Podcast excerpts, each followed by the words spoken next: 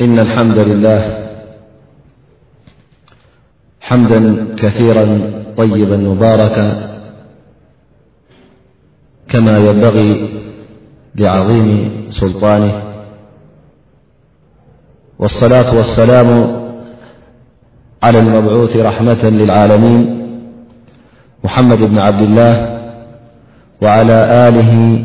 وصحبه أجمعين أيها الأخوة الأحبة مرة أخرى نعود ونستأنف دروسنا الأسبوعية باللغة التجرينية فأقول ዝኸበርኩምን ዝኸበርክንን ኣሕዋት ኣሰላሙ ዓለይኩም ወራሕመት ላሂ ወበረካቱ ድሕሪ ብኣጋጣሚ ናይ ዒድ ኣልኣድሓ ደው ኢሉ ዝነበረ ኣስተምህሮና እንሻ ላ ሎም መዓልቲ ጅምዓት ዕስራ ዱልሕጃ ሽሕን ኣርባዕተን ሚትን ዕስራን ሰለስተን ህጅርያ እንደገና ንጅምር ማለት እዩ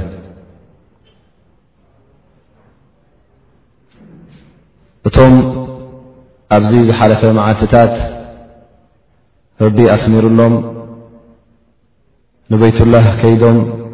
ሓጅ ክሕጅጁ ዝኸኣሉ ረቢ ሓጅኹም ይቀበለልኩም እናበልና ዱዓ ንገብረሎም ከምኡ ውን እቶም ኣላ ስብሓን ወተላ ኣብ ገዝኦም ክውዕሉ ዝኸተበሎም ማለት ዒድ ዓረፋ ኣብ ቤቶም ዘሕለፍዎ ምስ ስድራ ቤቶም እድሕያ ሓዲጎም ውን እቲ ሓደ ካብቲ ናይ እስልምና ሸሪዓ ስለ ዝኾነ እሱ ውን እቶም እድሕያ ገይሮም እድሕያኦም ዝሓረዱ ውን ረቢ እቲ እድሕያ ናቶም ንክቕበሎ ኣጥቢቕና ዱዓ ንገብር ማለት እዩ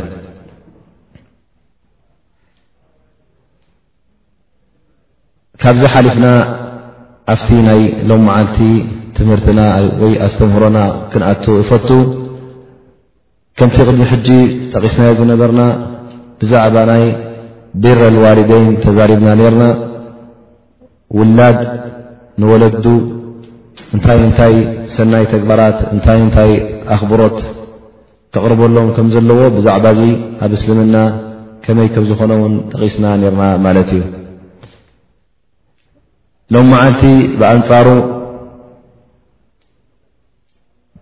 እቲ መሰል ናይ ኣዋለድቲ ፈሊጥና ማለት እዩ ብኣንፃሩ ድማ ሕጂ መሰል ናይ ውላድ ክንፈልጥ ኢና ማለት እዩ ሎም መዓልቲ ሕቁቅ ኣውላድ ዓለ ልዋሊደይን ማለት መሰል ናይ ውላድ እቲ ውላድ ካብ ኣቦታቱን ካብ ወለዱን ካብ ኣዴታቱ ዝፅበዮ መሰል ስለ ዘለዎ እዚ መሰል እዚ ክሕሎ ከሎ ድማ ብድሕሪ እዚ እቲ ነቦታቱ ዝግብኦም መሰል እውን ክኸፍሎ ወይ ከዓ ክህብ ይኽእል ማለት እዩ ስለዚ ንሕና ኩሉ ግዜ ወላዲ መሰልናቱ ጥራይ ክፅበ የብሉን እንታይ ደኣ እቲ ግቡኡ እውን ክፈልጦ ኣለዎ ማለት እዩ እንታይ እንታይ እዚ ወደይ እዚ ውላደይ እንታይ እንታይ ክገብረሉ ኣለኒ ካባይ ዝፅበዮ ከ እንታይ እንታይ እዩ ኣብ መጨረሻ ድማ እዚ ውላደይ እዚ ተማእዛዝን ፈራሕ ረብን ንወለዱ ዘኸብር ንክኸውን ኢልካ ከመይ ከመይ ጌርካ ክትናብዮ ከም ትኽእል ማለት እዩ እንተ ደኣ ናብዚ ጉዳይ እዚ ክንኣቶ ኮይና ብዛዕባ እዚእም ክንዛረብ እተ ኮይና ውላድካ መሰሉ ክትሕልወሉ እንተ ኮይኑ መዓሰ ይጅምር ኢልና ምስ እንሓትት ገና ከይተመርዕኻ ከለኻ ንመርዓ ክትሓስብ እንከለኻ ሽዑ እዩ እ ዝጅምር ማለት እዩ ማለት ገና ነታ ጓል ንስተይቲ ከይመረፅካያ ከለኻ ከምኡ ውን ጓል ንስተይቲ ጌና እቲ ወድ ተባዕታይ ሕራይ ወይ እምቢ ከይበለት እንከላ ንዕኡ ክትመርፅ እንከላ ሽዑኡ እዩ ዝጅምር ማለት እዩ ምኽንያቱ ሕጂ ንውላድካ እንታይ ትመርፀሉ ኣለኻ ማለት እዩ ንውላድካ ኣዲኡ ትመርፀሉ ኣለኻ ማለት እዩ እስኻ ወተባዕታይ እተ ኮንካ ጓል ንስተይቲ እውን ንውላዳ መን ክኸውን ኣቦኡወን ወይ ከዓ ኣቦኡ መን ከም ምዃኑ ትመርፀሉላ ማለት እዩ ስለዚ እቲ መሰል ናይ ውላድ እቲ ሓቒ ናቶም ካበይ ይጅምር ኣሎ ማለት እዩ? ጌና ከይተመርዓኻ እንከለኻ፣ መርዓ ክትሓስብ እንከለኻ መን ኢኻ መን እያ እዛ ትወስዳ ዘለኻ ክትፈልጥ ኣለካ ማለት እዩ። እሳ እውን መን እዩ ዝወድ ተባዕታይ ሕራይ ኢላ ትቕበሎ ዘላ ክትፈልጥ ኣለዋ ማለት እዩ። ኣቦ ይኹን ኣደ ይኹን ሽዕኡ ክምረፅ እንከሎ እቲ ዝምረፅ መን ከም ምዃኑ ይፍለጥ ማለት እዩ። ኣላህ ስብሓነሁ ወተዓላ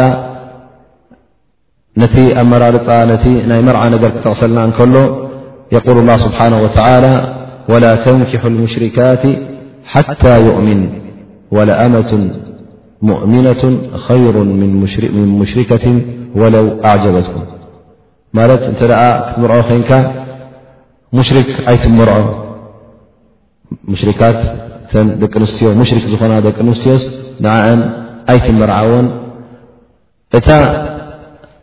ባርያ ዝኾነት ኣስላመይቲ እታ ኣብ ትሕቲ ሰብ እትነብር ኣስላመይቲ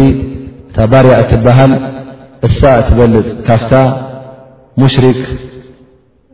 ወላ ውን ጭዋ ትኹን ወላ ውን መልክዕ ይሃልዋ ወላ ውን ገንዘብ ይሃውለዋ ወላ ውን በብ ዓይነቱ ኮእለታት ይሃለዋ ድኣ እምበር እንተ ኣብቲ ዲና እቲኣ ሙሽሪክ ኮይና እቲኣ ሞእሚን እተ ኮይና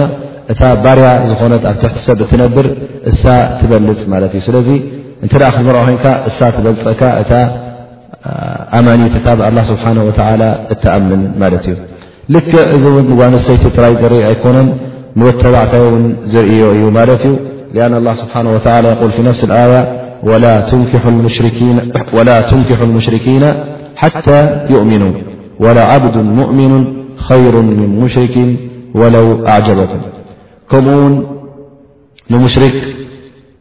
ደቅኹም ኣይትሃብዎ ወላድኩም ጓልኩም ኣይትሃብዎ ማለት እዩ ኣይተመርዕዎ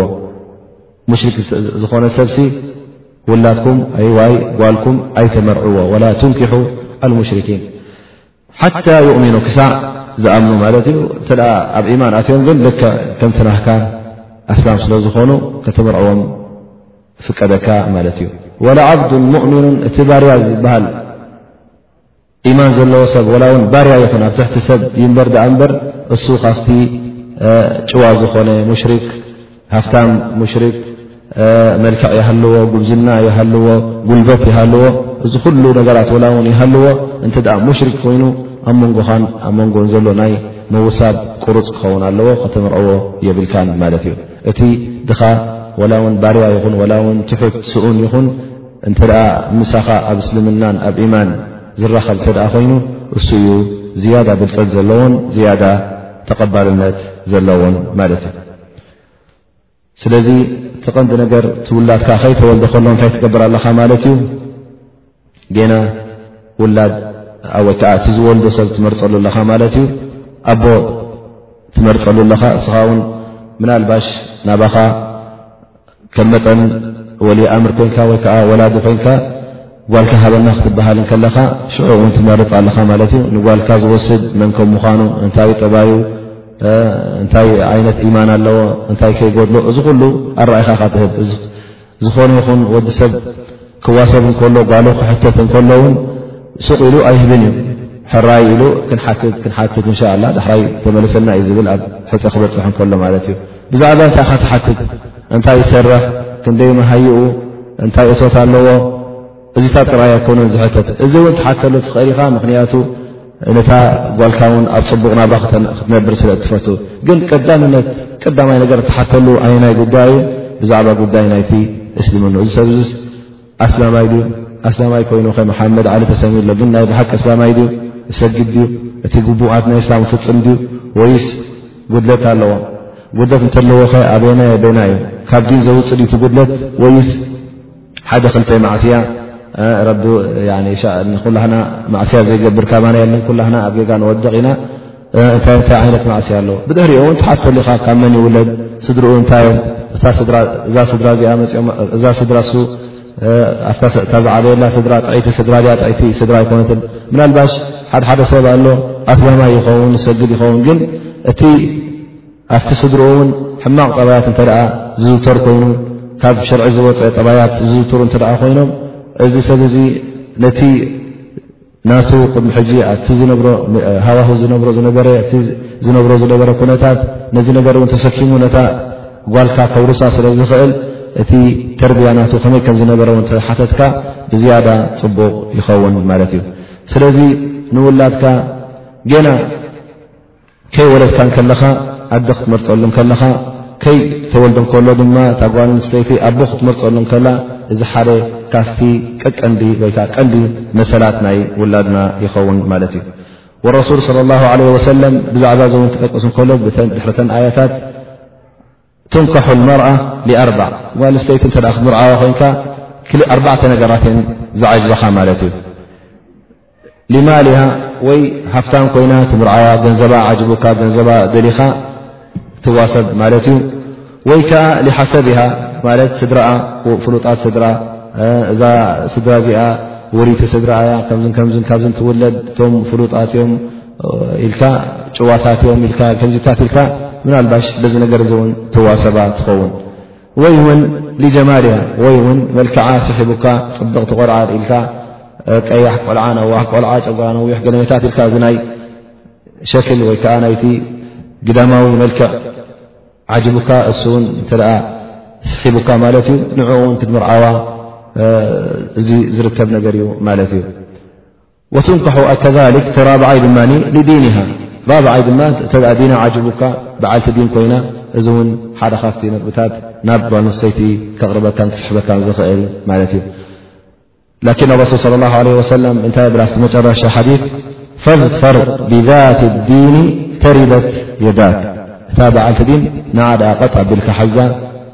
እሳ እያ እታ ዝበለፀትን እታ ዝሓሸትን በዓልቲ ገንዘብ ይኹን በዓልቲ መልክዕ ይኹን በዓልቲ ሓሰብ ይኹን እዚ ኩሉ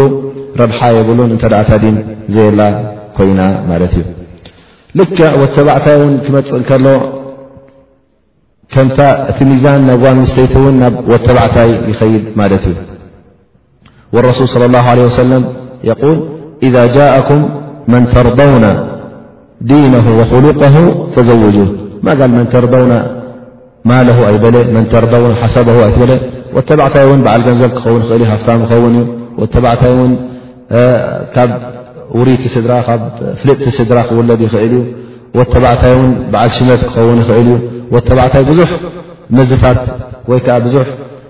ነጥብታት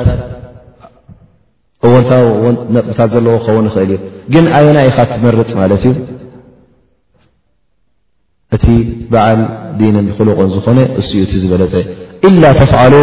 እንተ እዚ ነገር እ ዘይገበርኩም ከይሉ ኣ ስ ሰለም እዚ ነገር እ እተ ዘይተገብረ ተኩን ፊትነቱን ፊ ልኣርض ወፈሳድን ከቢር እዚ ከዓ ፊትና ዩ ደምፅእ ካብ መገዲ ሓቂ የውፅእ ማለት እዩ እቲ ፈሳድ ውን ይበዝሕ ማለት እዩ እስኻ በዓል ዲን እተ ፀሪእካ እቲ በዓል ገንዘብ ኩሉ ግዜ ናብኡ ዘንቢልካ እዚ በዓል ገንዘብ በዓል ዲን ይኹን ኣይኹን ፋስቅ ይኹን ኣይኹን ፋጅር ይኹን ኣይኹን እተ ከይፈለጥካ እተ ትዋሰቦ ኮንካ ጓልካ እተ ትቦ ኮንካ እንታይ ማለት እዩ ነታ ጓልካ ኣብ ፈሳድ ተመሓላልፋ ኣለኻ ማለት እዩ ኣብ ፍስቅ ኣብ ፈጁር ኣብ ብዙሕ ጌጋታት ንክትወድቕ ትስሕባ ኣለኻ ማለት እዩ እሱይ ድማ ተቐንዲ እቲ ክትመርፅ ከለኻ ኣቦን ውላድን ክምረፅ እንከሎ እታ ጓል ንሰይተይ ነቶም ደቂ ኣገና ከይተመርዓት ኮላ ኣቦ ክትመርፀሎም ከላ እሱ ድማ ከይተወለዱ ከሎ እቶም ደቁ ኣደ ክመርፀሎም ከሎ እቲ ቀዳማይ ናይ ውላዱ መሰላት ሓልዩሎም ማለት እዩ ምክንያቱ እቲ ወላዲ ኩሉ ግዜ ምስኦም ክነብር ስለዝኾነ እታ ወላዲት ን ኩሉ ግዜ ምስኦም ክትነብር ስለዝኾነት ዝኾነ ይኹን ትምህርቲ ዝኾነ ይኹን ፍልጠት ዝኾነ ይኹን ጠባይ ናብኦም ክመሓላለፍ ናፍቲ ውላድ እዩ ዝመሓላለፍ ማለት እዩ ከምቲ ቋንቋ ዓረብ ዝርዎ እዛ ካነ ረብ ልበይት ብዱፊ ዳሪበን ፈሺመቱ ኣህሊ ልበይት ኣረቕስ እንተ ደኣ በዓል ገዛ ወይ ከዓ ከምቲ ብትግርኛ ዝብልዎ መራሒኦም ሓንካስ የኹሎም ዶብላጻት ይብሉ እንተ እቲ ቀዳማይ እቲ ዝመርሓካ ኩሉ ግዜ እተ ጉድለት ኣለዎ ኮይኑ እስኻ ውን ምስቲ ጉድለት ናቱ ኢኻ እትኸይድ ማለት እዩ ስለዚ ዋና ገዛ በዓል ገዛ ኣቦ ገዛ እተ ወቓዕ ከበሮ ኮይኑ እቶም ውላድ እውን ቀንዲ ሳዕሳዕቲ ክኾኑ ዝደፋፍእ ማለት እዩ ምክንያቱ ኩሉ ግዜ እቲ ጠባያት ናብቶም ውላድ እዩ ዝመሓላለፍ ማለት እዩ ስለዚ ንደቅኻ ኣደ ክትመርፀሎም እሳ ድማ ወላዲ ክትመርፀሎም ቀንዲ ኣድላይ ማለት እዩ እዚ ሕጂ ኣይና እዩ እቲ ገና ከይተወልደ ከሎ መሰሉ ትሕልወ ዘለኻ ማለት እዩ ነቲ ውላድካ ብድሕሪ እዚ ክውለድ ከሎ ድማ መሰላት ኣለዎ ምስ ተወልደ ውን መሰላት ኣለዎ ማለት ዩ ገና ህፃን እንከሎውን መሰላት ኣለዎ እንታይ እንታይ ክትገብረሉ ከም ዘለካ ምክንያቱ ኩሉ እቲ ሰናይ ተግባራት እንተ ክውለድ ከሎ ገና ብ ከብድኡ ከሎ ገና ውን ምስ ተወለደ ብህፃኑ ከሎ ብዕሸሉ ከሎ ደገና ውን እናዓበየ ከሎ እዚ ኩሉ መሳላት እተ ሓሊኻሉ ኣላ ስብሓን ወተላ ውን ዳሕራይ ፃማኻ ኣይስእነካን እዩ ማለት እዩ ጥዑይ ውላድ ክኸውን እዩ በቶም በቦታቱ ባር ዝኾነ ነቦታቱ ሰናይ ዝገብር ውላድ ክኸውን እዩ እስኻ ውን እቲ ትገብሮ ዘለኻ ቅድሚ ኣላ ስብሓን ወተላ ኣጅሪ ክኽተበልካ እዩ ማለት እዩ ስለዚ እቲ ውላድ ድማ ክውለድ ከሎ ብሓጎስ ክትቅበሎ ኣለካ ማለት እዩ። ምኽንያቱ ሽሻይ እዩ እዚ ውላድ እዚ ጓል ይኹን ጓንሰይቲ ይኹን ሽሻይ ስለ ዝኾነ ተሓጒስካ ኢኻ ክትቅበሎ ዘለካ ማለት እዩ። እንተ ዘይተሐጎስ ኮይንካ በዚ ዝውለድ ዘሎ ውላድ ሰበይትኻ ምስ ወለደ እተ ዘይተሐጎስ ኮይኑ እሳ ውን ዘይተሐጎስ እተ ኮይና እዚ እንታይ ማለት እዩ ነዚ ውላድ እዚ ትፀልኦ ኣለኻ ማለት እዩ። ብድሕሪ እዚ እውን ሰናይ ክትገብረሉ ኣይኮንካን ማለት እዩ ወላ እውን ተገበርካሉ ከይመውት ኢልካ ከይብል ኢልካ ኢኻ ደኣ እምበር ፈቲኻዮ ስለ ዘይኮንካ ካብ ፍቕሪ ዝነቐለ ስለ ዘይኮነ እቲ ትገብሮ ዘለኻ እቲ ውፅኢታት እውን ምቁር ውፅኢትታት ወይ ከዓ ፅቡቕ ውፅኢት ክኸውን ኣይኮነን ማለት እዩ ስለዚ በዚ ውላድ እዚ እውን ክትሕጎስ ኣለካ ማለት እዩ ንሰብ እውን ኣነ ከምዚ ከምዝመፅኢልካ እውን ታሕጓስካ ክትገልፅ ኣለካ ማለት እዩ ሓታ ኣላ ስብሓን ወተዓላ ንነብና ዘከርያ ክነግሮ ከሎ ኣበሲርዎ እዩ ማለት እዩ ብብስራት ተሰሚዕዎ ማለት እዩ ያ ዘከርያ እና ንበሽሩካ ብغላምን እስምሁ ያሕያ እዚ ሕጂ ኣላ ስብሓን ወተላ ውላድ ክህቦ ምስ ደለየ ንሰይድና ዘከርያ ኣበሲርዎ ማለት እዩ እ ውላድ እዚ ሕጂ ሓደ ሽሻይ ስለ ዝኾነ ብብስራት ክትቅበሎ ኣለካ ማለት እዩ ምስ ተበሰርካ ድማ ነብስኻ ተበስረሉ ንኣሕዋትካ ውን ተበስረሉ ማለት እዩ ከምዚ ከምዚ ኣላ ስብሓን ወተላ ውላድ ህብኒ ኢልካ ውን ንነብስኻ በሲርካ ነቶም እትፈትዎም ኣሕዋትካ ውን ከተበስር ኣለካ ማለት እዩ እዚ እንታይ ይገልፅ ማለት እዩ እዚ ውላድ እዚ እስኻ ትፈትዎ ኣለኻ ማለት እዩ ተፈቲኻዮ ድማ ብዝከኣለካ መጠን ብጀካ ሰናይ ድኣ እምበር እከይ ክትገብረሉ ኣይኮንካን ማለት እዩ ኩሉ መሰላት እውን ክትሕልወሉ ኢኻ ማለት እዩ ካብ ፍቕሪ ዝነቐለ መሰላት ክኸውን ከሎ ድማ ብዝያዳ እናዓበየ እናጣጠዐን እዩ ዝኸይድ ድኣ እምበር እናቀምሰለን እናረገፈን ኣይኮነን ዝኸይድ ማለት እዩ ካልኣይ ካብቲ መሰላ ድማ ገና ብህፃን እንከሎ ምስተወለደ ውን ውሉድ ምስተወልደ ውን ሽዑ ንሽዑ ኣብ እዝኑ ቀሪብካ ኣብ የማናይ እዝኑ ክትእዝነሉ ብፀጋማይ እዝኑ ድማ ኢቃማ ትገብረሉ ማለት እዩ ሊኣነ ረሱል ስለ ላ ለ ወሰለም ርውያ ዓንሁ ከምቲ ኣብ ሓዲ ዝመፀና ማለት እዩ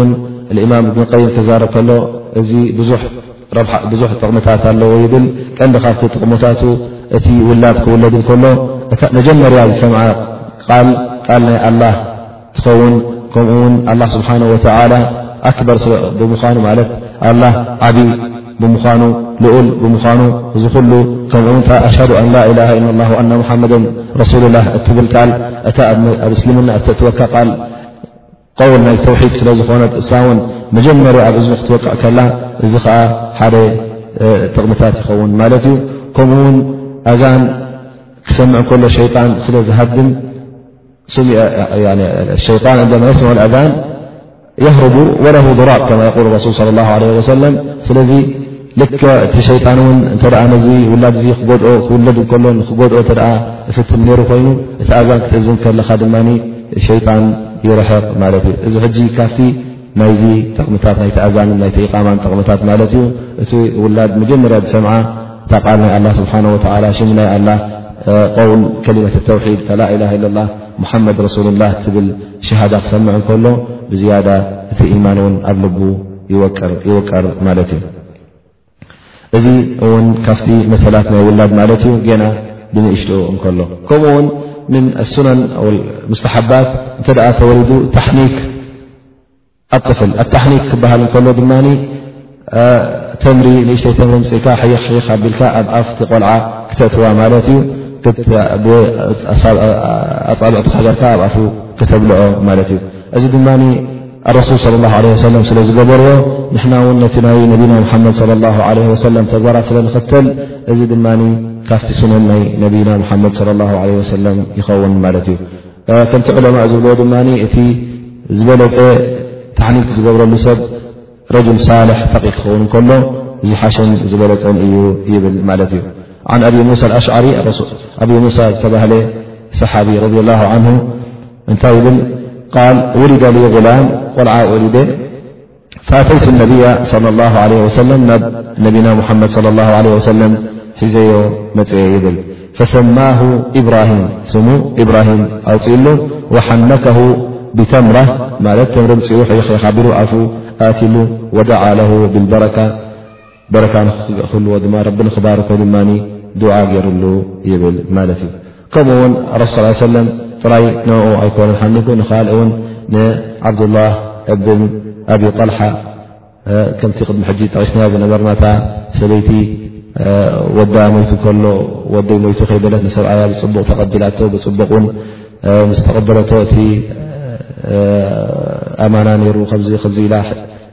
እሳ ምስ ነገረቶ እዞም ሰብሲ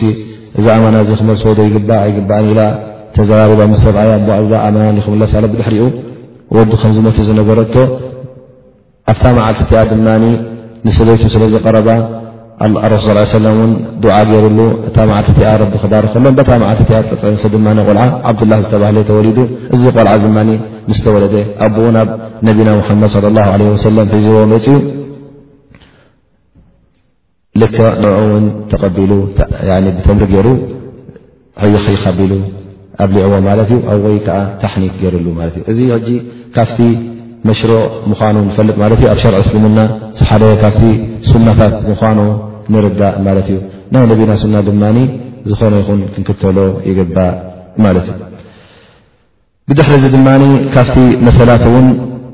ፀጉሩ ክትላፅዮ ማለት እዩ ፀጉሩ ላፅኻ ውን በተን ሚዘእንኣን መዚንካ ናበይ ተድበን ማለት እዩ ንስደቕ ማለት እዩ ልክ ብሚዛንን ብልክዕን ጌርካ ብሩር ይኹን ዋላ ወርቂ መዚንካ ሰደቓ ተውፅእ ማለት እዩ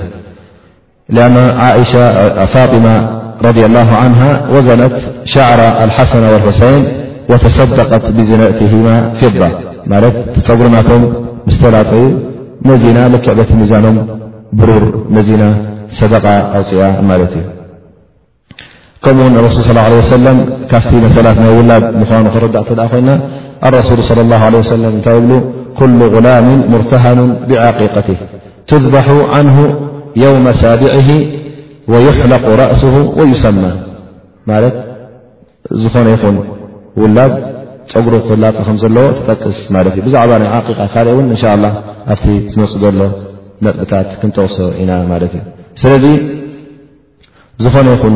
ውላድ እተ ተወሊዱ እኳ ቆልዓ ምስ ተወለደ ካብቲ መሰላት ናት ክትሕልዎ ዘለካ እቲ ሱናታት ዝበሃል እቲ መሽሮ ዝበሃል ኣብ እስልምና ክትገድፎ የብልካን ማለት እዩ ሓደ ካብቲ መሽሩዓ ድማ ኣብ ሻውዓይ መዓልቲ ፀጉሩ ላፅኻ በቲ ፀጉሩ ድማ ን ልክ መዚንካ በቲ ሚዛኑ ድማ ወርቂ ይኹን ብሩር ሰደቃ ተውፅእ ማለት እዩ ከምኡ ውን ክትሰምዮ ማለት እዩ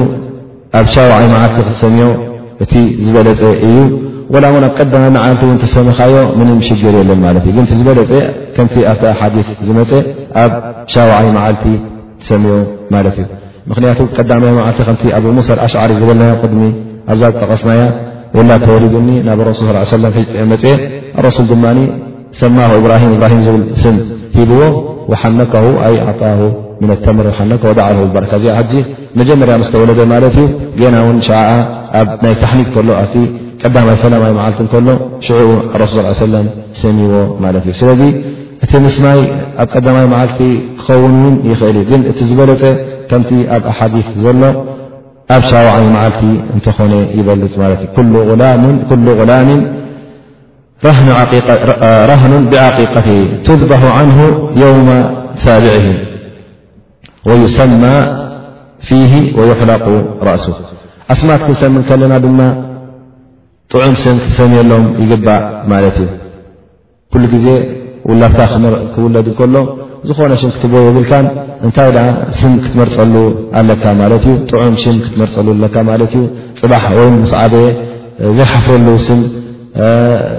ሽም ናይ ጓል ከተውፅኣሉ የብልካ ሓደሓደ ግዜ ምናልባሽ ኣለዎ ብ ሃገርና ቆልዑት እናመቱኒ እናበለ በቃ ከላስ እንተ መጨረሻ በፅሑ ምስ ተወልደ ሕማቕ ሽም የውፅኣሉ ወይ ከዓ ሽም ናይ ጓል ይህቦ ማለት እዩ እዚ ድማ ጌጋ ማለት እዩ ምክንያቱ ብሽም ክተርፍ ኣይኮነ ኣላ ስብሓን ወተላ እተ ክመውት ኢልዎ ኮይኑ ክመውት እዩ ክተርፍ ኢልዎ እተ ኮይኑ ድማ ክተርፍ እዩ በታ ዝሰመኻዮ ሽም ዕድሚኡ ኣይነውሕ ዕድሚኡ ኣይሓጥር ግን ኣላ ስብሓን ወተላ ዮም ኣልቅያማ ንወዲ ሰብ ዝኾነ ን ወዲ ሰብ ብስሙ ክፅውዖ ስለ ዝኾነ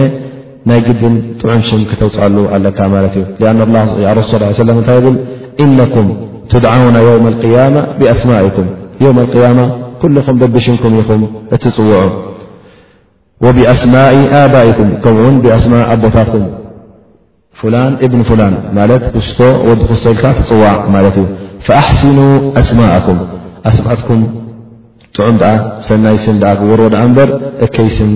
ኣይትስመዩ። ስለዚ ውላድ ክውለድ እንከሎ ጥዑም ሽም ክትሰምዮ ድኣ እምበር ሰናይ ስም ክትሰምዮ ድኣ እምበር እከይ ስም ክትህቦ ጌጋ ይኸውን ማለት እዩ።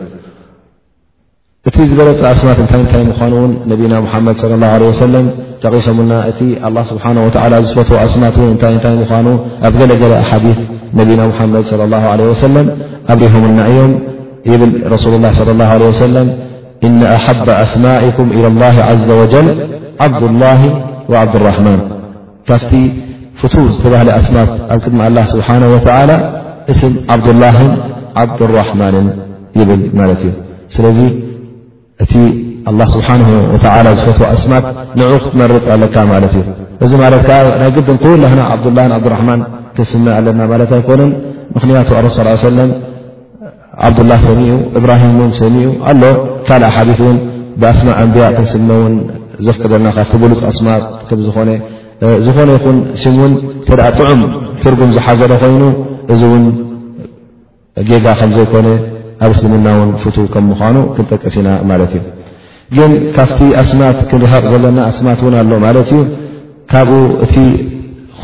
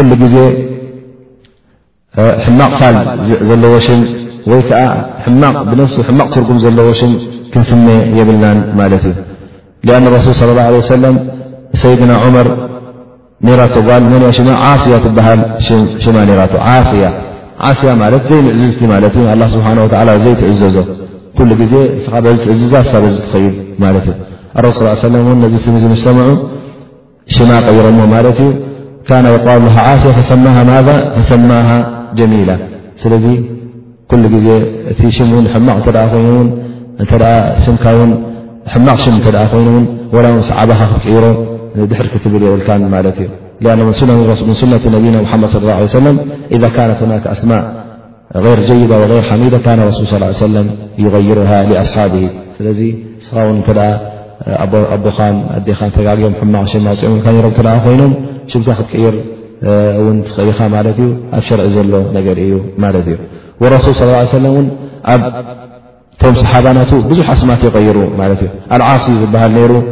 ዑተና ዝበሃል ማለት ሸዲድ ሽዳ ሊል ማለት እዩ ሸይጣን ዝስመ ነይሩ ቁራብ ዝስመ ነይሩ ሕባብ ማለት ዝስመ ነይሩ ኩሉ ኣስማት ሕሕማቕ ዝሰምዖ ኣስማት ይቕይሮ ነይሩ ማለት እዩ ሓደ ሰብ ሓርብ ዝበሃል ሽም ነይሩ ረሱ ስ ሰለም ማ ሰላም ኢሉ ወይ ከዓ ሰላማ ኢሉ ሰሚዎ ማለት ዩ ኣብ ሲልማ ኩናት ተባሂሉ ንሰላም ደኣ ኮኑ ብ ምክንያቱ ኩናት ኩሉ ግዜ ፍትዋ ኣይኮነን ኩናት እንታይ የምፅእ ኩሉ ግዜ ብጀካ መቕተልትን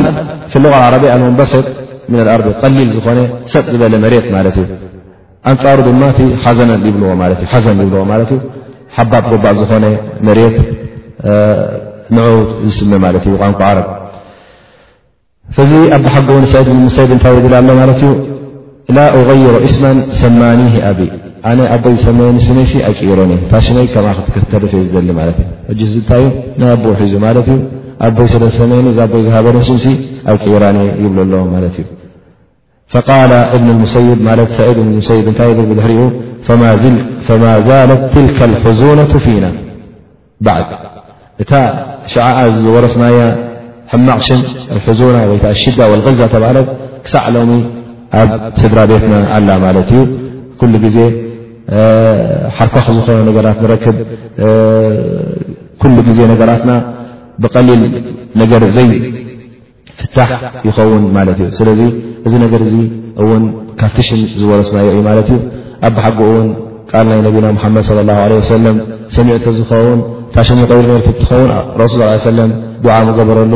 እታ ናብረኦም እውን ኩሉ ግዜ ቀላልን ፎካስን ምኾነት ነይራ ማለት እዩ ስለዚ ኩሉ ግዜ እቲ እንመርፆ ኣስማት ፍትው ኣስማት ፅቡቕ ኣስማት መልክዕ ዘለዎ ኣስማት ክኸውን ዳኣ ኣለዎ ዳኣ እምበር ሕማቕ ሽም ክንስከም ወይ ከዓ ንውላድና ሕማቕ ሽም ከነሰክሞም የብልናን ማለት እዩ። ኣብቲ ኣስማት ከዓ ክንመርፅ እንከለና ኩሉ ግዜ ን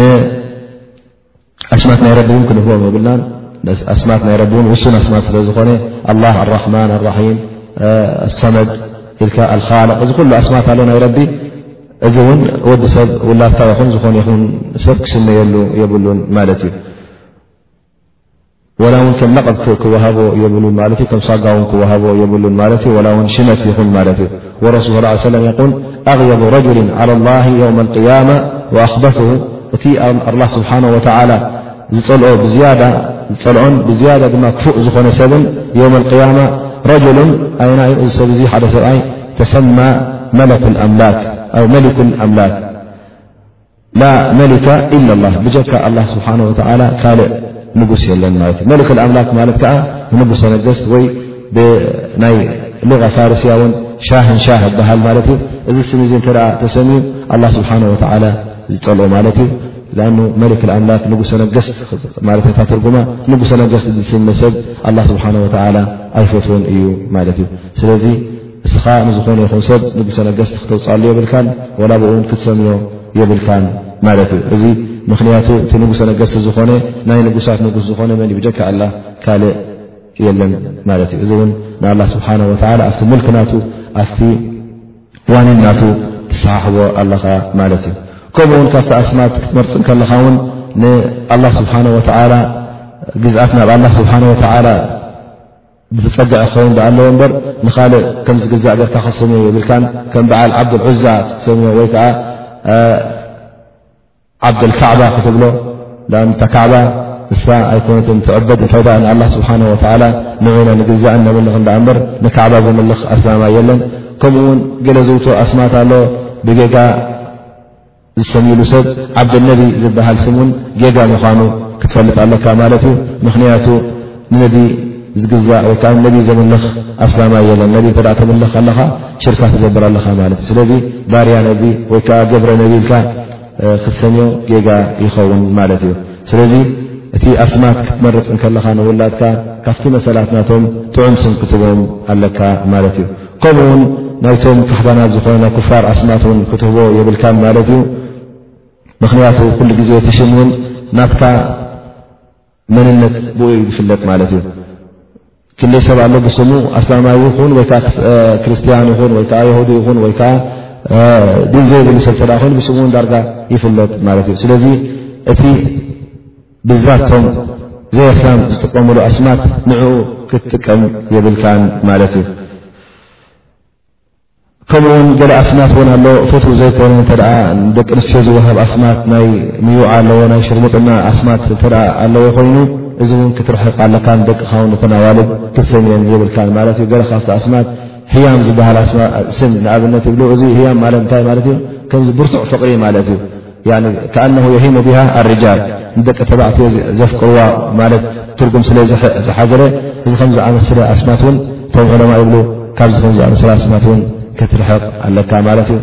ራም ዝበሃል ስም ኣለዉ ውን ራም ዝበሃል ራም እውን ልከ ከምኡ ፍቕሪ ማለት እዩ ልከ ደቂ ተባዕትዮ ዘፍቅርዋ ኢልካ ከምኡ ጌርካ ሽም ክትህብ ከለኻ እዚ እውን ኣብቲ ነብሲ ናይ ጓል ንስተይቲ ገለ ሕማቕ ነገራት ክሕድር ስለ ዝኽእል ነዚ ኣስማት እዚ እውን ክትርሕቕ ይበልፅ ይብሉ እቶም ዑለማእ ማለት እዩ ግን ካብቲ ሓዲ ዝመፀ ረሱል ስ ሰለ ይብል ብዕብልሉ እቲ ሰናይ ዝኾነ ኣስማት ክጠቅስ ከሎ ተሰሙ ብኣስማእ ኣንብያ ሕጂ ሰፊሕ ቦታ ሂቡካ ኣሎ ማለት እዩ በቲ ኣስማእ ናይ ነብያታት ተሰመዩ ወኣሓቡ ኣስማእ ኢላ ላ ዓብዱላሂ ወዓብዱራሕማን ወኣስደቑሃ ሓርስ ወሃማም ወኣቅባሑሃ ሓርቡን ወሚራ እዚ ሕጂ ምስ ኣብነት እዩ ዝበና ዘሎ ማለት እዩ ቲዚ ክትስመይ እተ ኮንኩም በቲ ናይ ኣንብያታት ስም ዝነበረ በቲ ናይ ኣይ ዝሓለፉ ኣንብያታት ኩሎም ብኦም ክትስመዩ ትኽእሉ ኢኹም ንስ እውን ሰናይ ኣስማት እዩ ማለት እዩ ወሓብ ኣስማት ኣላ ስብሓን ወላ ን ዝፈትዋ ዓብዱላሂ ወዓብዱራሕማን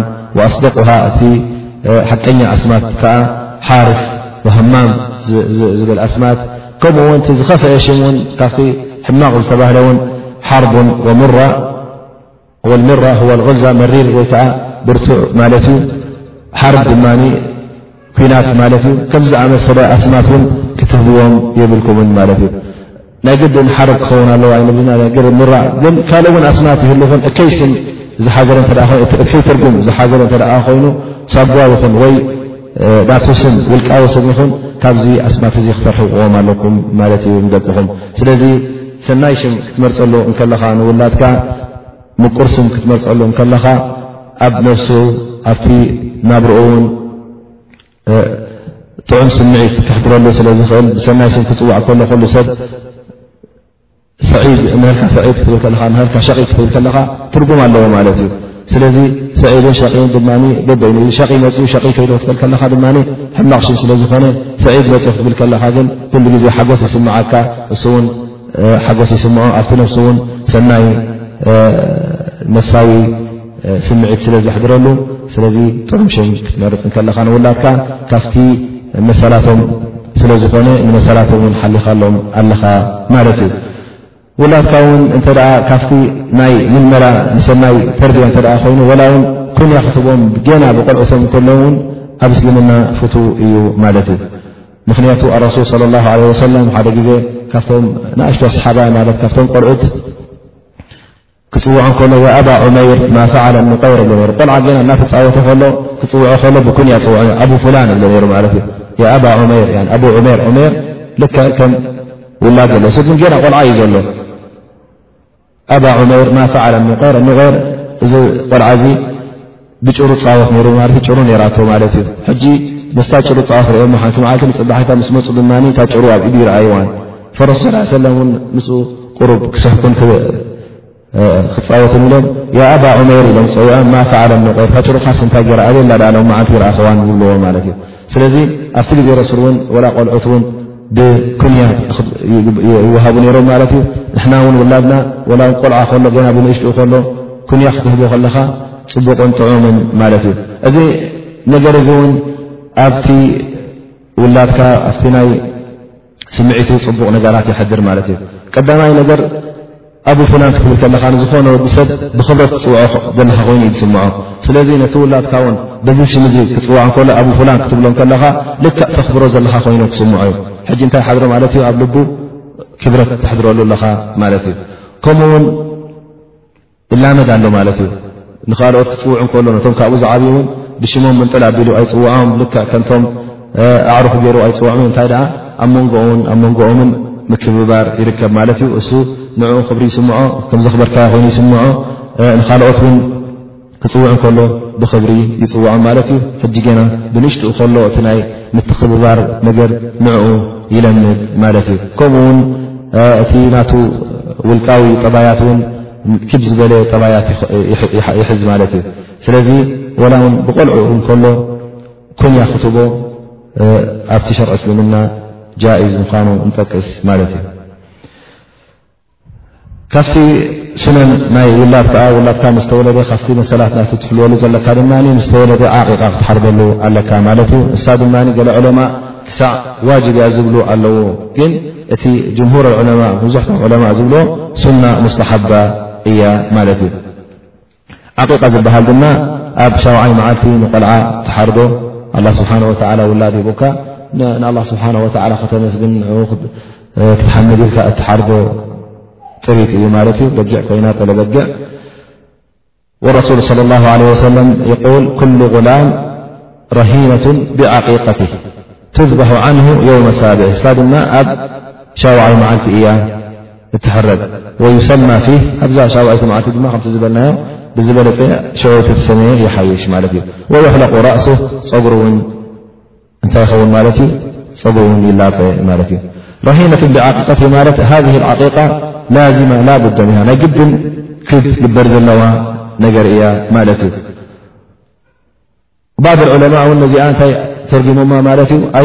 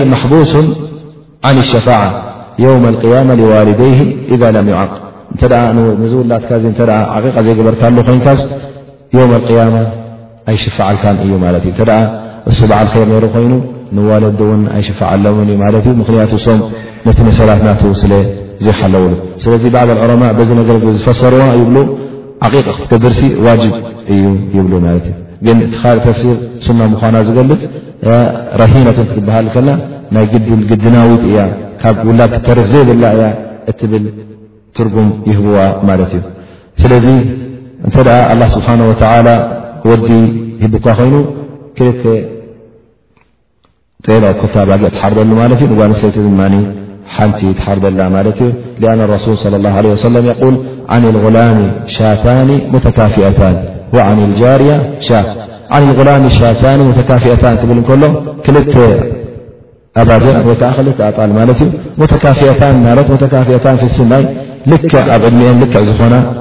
ኣብ መልክዐን እዚ ሕጂ ዝበለፀ ማለት እዩ ግን ዝኾነ ተሓረጥካየን እውን ምንም ሽግር የለን ማለት እዩ ግን ኣብ ዕድመ ዝተቀራረባ ልክዕ ዝኾና ወይከዓ ከምኡውን ኣብ ምስባሐን ሓደ ዝኾና ከምኡውን ኣብ መልክዐን ኣብ ኩሉ እንትነታትን ዝተመሳሰላ ክትሓርደሉ ከለኻ እቲ ዝበለፀ ማለት እዩ ሕጂ ንወት ተባዕታይ ውላድ ኣላ ስብሓን ወላ እተ ውላድ ተባዕታይ ሂቡካ ዘከር እተ ኮይኑ ክልተ ትሓርደሉ ማለት እዩ ጓ ንሰይቲ እተ ሂቡካ ድማ ሓንቲ ትሓርደላ ማለት እዩ ስለዚ ሓደ ካብቲ መሰላት ናይ ውላድካ ውን ዓቂቃ ክትገብረሎም ማለት እዩ ብድሕሪኡ እውን ኣልክታን ማለት እዩ ክታን ክበሃል ከዓ ምግራዝ ዝበሃል ወይ ከዓ ምክንሻብ ማለት እዩ ረሱል صለ ላ ለ ወሰለም የል ከምሱ ምን ኣልፍጥራ ሓሙሽተ ኣለዋ ካብ ፍጥራ ዝተባህላ ማለት ተፈጥሮኣዊ ዝኾነ ኩሉ ሰብ ዝፈትዎ ነገር ምክንያቱ ፅሬት ስለ ዘለዎን ማለት እዩ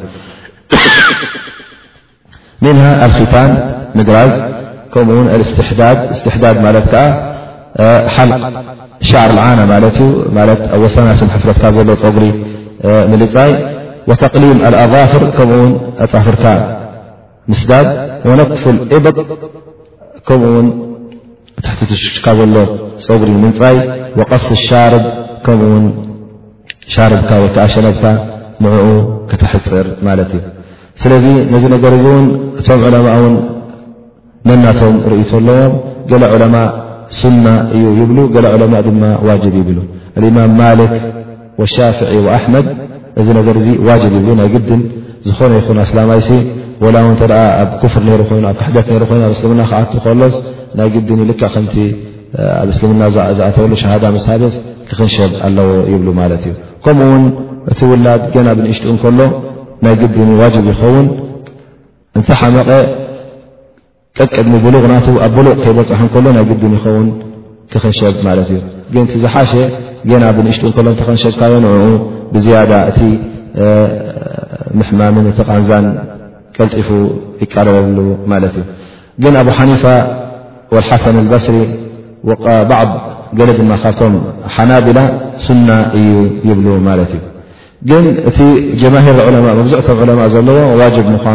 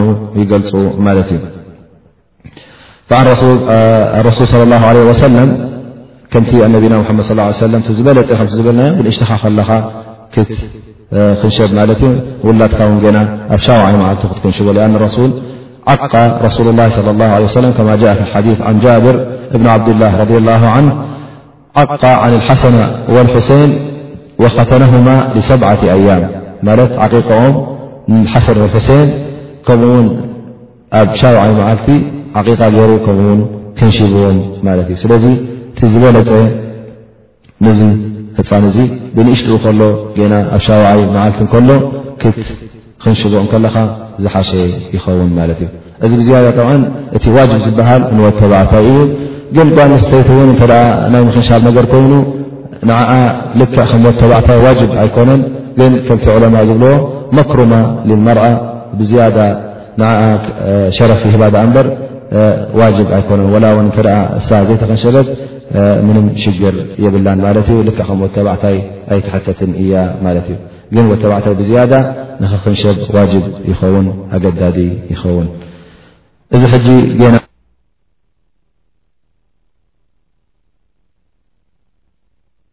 ገና ብድሕሪኡ ድማ ክሳዕ ኣብ መርሓለት ኣልቡሉቕ ኣብ ብሉቕ ዝበፅሕ ዘርኢ መሰላት ኣሎ ማለት እዩ ቀዳማይ መሰል ከዓ ሓቂ ረዳዕ እዚ ውላድ እዚ ተወሊዱ ወዲ ሰብ ድማ ልክዕ ከም ካልኦት ህየት ዘለዎም ነገራት ኣይኮነን ማለት እዩ ዝኾነ ይኹን እንስሳ እንተዳእርኢና መብዝሕተ እንስሳታት ወርሒ ክልተ ወርሒ ሰለስተ ወርሒ ኣርባዕተ ወርሒ ዳርጋ ካብ ኣዲኣ ትፍለ ሽዱሽተ ወርሒ ካብ ኣዲኣ ትፍለ ማለት ዩ ሳዕራ ትበለ ሳዕ ትበለ ኮይና ካልእ ነገራት ትበለ እተ ኮይና ውን ካልእ ትበለ ማለት እዩ ግን ወዲ ሰብ እቲ ናይ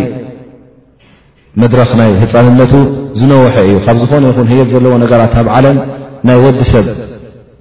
መድረኽ ህፃንነት ዝነወሐ እዩ ማለት እዩ ገና ኣቦን ኣዲኦን ገና ወዲ ዓመት ክልተ ዓመት ሰለስተ ዓመት ዳርጋ ክሳዕ ሸውዓተ ሸሞንተ ዓመት ዝበፅሕ በይኑ ክገብሮ ዝኽእል ነገራት የለን ማለት እዩ ሶም የድልዎ ብዘይ ኣቦኡን ኣዲኡ እውን ዳርጋ ክእለት የብሉን ማለት እዩ ንክነብር ማለት እዩ ክሰርሕ እተ ኮይኑ ክእለት ናይ ስራሕ ኣይክረክብን እዩ ብልዒ ክሰርሕ እተ ኮይኑ ውን ብልዒ ክሰርሕ ኣይክእልን እዩ ስለዚ ካብ ኣቦኦን ኣዲኡን እዩ ኩሉ ትፅቢቱ ማለት እዩ ሕጂ ናይ ወዲ ሰብ ህፃንነት ዝነውሐ መድረክ ኣለዎ ግን ካልእ ዓይነት ህዮታት ግን ምናልባሽ ካብኡ ዝተሓተ ኩሎምን ዝተሓት እዮም እፈላለዩ ይኹኑ ድኣ እምበር እቲ ዝነውሐ ናይ ወዲ ሰብ ህፃንነት እዩ ማለት እዩ ስለዚ እቲ ቀዳማይ መሰላት ናይ እዚ ውላድ እዚ ሓቅ ረባ እዚ ሰብ እዚ ንክጠቡ እዚ ውላድ እዚ ንክጠቡ ሓደ ካብቲ ቀንዲ መሰላቱ እዩ ማለት እዩ ኣይኮነን ዶ እዚ መሰል እዚ ኣይኮነን ዶ ሰብኣይን ሰበይትን ብሓደ እናነበሩ እንከለዉ ወላ እውን እንተ ደኣ ኣብ ፍትሕ በፂሖም እዚ ነገር እዚ ናይ ግድን እዩ ወላዲት ይኹን ወላዲ ይኹን ንዚ ነገር እዚ ንውላዶም ከማልእሉ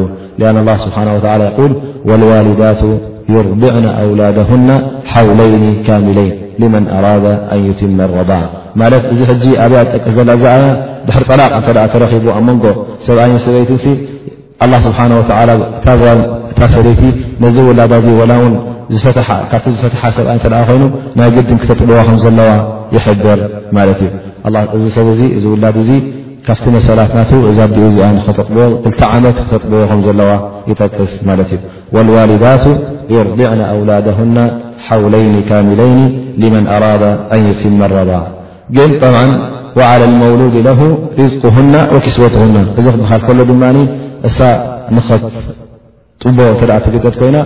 ብቲ ካልእ ሸነክ ውን እቲ ብኡ ነዛ ሰበይቲ እዚኣ ዋላ ውን ፈትሐዋ ይሃሉ እንተ እዚ ውላድ እዚ ተጥቦላ ኮይና ንዓዓ ብልዓ ይኹን ክዳና ይኹን ኩሉ ቀለባ ክኽእላ ኣለዎ ማለት እዩ ቀለባን ቀለብቲ ውላድን ተወሊዱ ዘሎ ማለት እዩ ምክንያቱ እዛ ሰብ እዚኣ ነዚ ቆልዓ እዚ ንኸተዕቢ ኢላ ነዚ ቆልዓ እዚ ንኸተጥቡ ኢላ ስለ ኮፍ ኢላ ትፅበ ስለ ዘላ ስለ ኣብ ካልእ ሰብኣይ ዘይኣተወት እሳ እውን ትናብዮ ስለ ዘላ እዚ ሰብ እዚ እውን እዚ ውላድ እዚ ውላዳ ጥራይ ስለ ዘይኮነ እሱ ይግደድ ማለት እዩ እቲ ወላዲ ነዚ ውላድ እዚ ክህጥብኦ ከላ ንኣዲኡ ናይ ቀለብ ይኹን ናይ ክዳን ክህባ ማለት እዩ ወኪስወቱሁና ብልማዕሩፍ ላ ትከለፉ ነፍሱ ኢላ ውስዓሃ ጠብዓ እታ ዝኾነ ይኹን በብክእለቱ እዩ ዝገብር ማለት እዩ ሰብኣይ እተ ክእለት ኣለዎ ኮይኑ ብክእለቱ ነዲኡ ይህባ ማለት እዩ ወላ እውን እንተ ኣዲኡ ዘይከኣለት ኮይና እተ ሕምምቲ ኮይና እውን እዚ ሰብ እዚ እዚ ወላድ እዚ ነዚ ውላዱ ተጥቡ ወላ ብገንዘብ ተጥቡ ከምፃሉ ኣሎ ማለት እዩ ኣለዋ እተ ዘጥቡባ ኮይኖም ቀደም ከምኡ ነይሩ ኣብዚ ዘለና ግዜ ምናልባሸለ ንኸውን ግን እቲ ኣብ ቀደም ልክዕ ከም ስራሕ ዩ ዝወስድኦ ነረን ማለት እዩ ንደቂ ሰብ ተጥቡ ማለት እዩ ብገንዘብ ገንዘብ ይብዋ ተዕብየሎም ደቆም በቲ ዘለዋ ጡብ ዘራ ንውላዳ ይኹን ንካልኦት ንክልተሰለስተ ሒዛ በቲ ጡባ ተጥብዎም ነራ ማለት እዩ ክተጥቡ ከላ ድማ ብገንዘብ ስለዝኾነ ስለዚ ሰብኣይ ድማ ኣቦ ድማ ነዚ ውላዱ እዚ እተጥበሉ ጓነሰይቲ ተዕብዮ ከምፅእ ኣለዎ ማለት እዩ ወላ በዚ ግዜና እተ ከተጥቦ ዘይከኣለት ብናይ ረባዓ ኮይኑ ብናይ ሽቸቶ ኮይኑ ብኡ እተ ትቀም ኮይኑ ነዚ ቆልዓ ዝትናቢ ንኡ ይኹን ፀባ ንኡ ዝኸውን ሸቶታት ንኡ ዝኸውን ኩሉ ነገራት ክቐርብ ኣለዎ ማለት እዩ ስለዚ ሓቂ ረባዕ ዝበሃል ቀንዲ ነገር ካብ ጡባዲኹ ጠቡዩ ዘለዎ ምክንያቱ ክልተ ዓመት እዚ እቲ ጡብ ናይ ኣዲኡ ኣድላዪ ስለ ዝኾነ ጡብ ናይ ኣዲኡ ድማ ብዝያዳ ጥዕና ስለ ዝህቦን ብዝያዳ ድማ ንኡ ስለ ንነፍሱ ይኹን ንኣእምሮውን ስለ ዝጠቕሞ እቲ ቀዳምነት ንኡ ይኸውን ማለት እዩ ግን እዚ ተሳኢኑ ድማ ብካልእ ክትካእ ይከኣል እዩ ማለት እዩ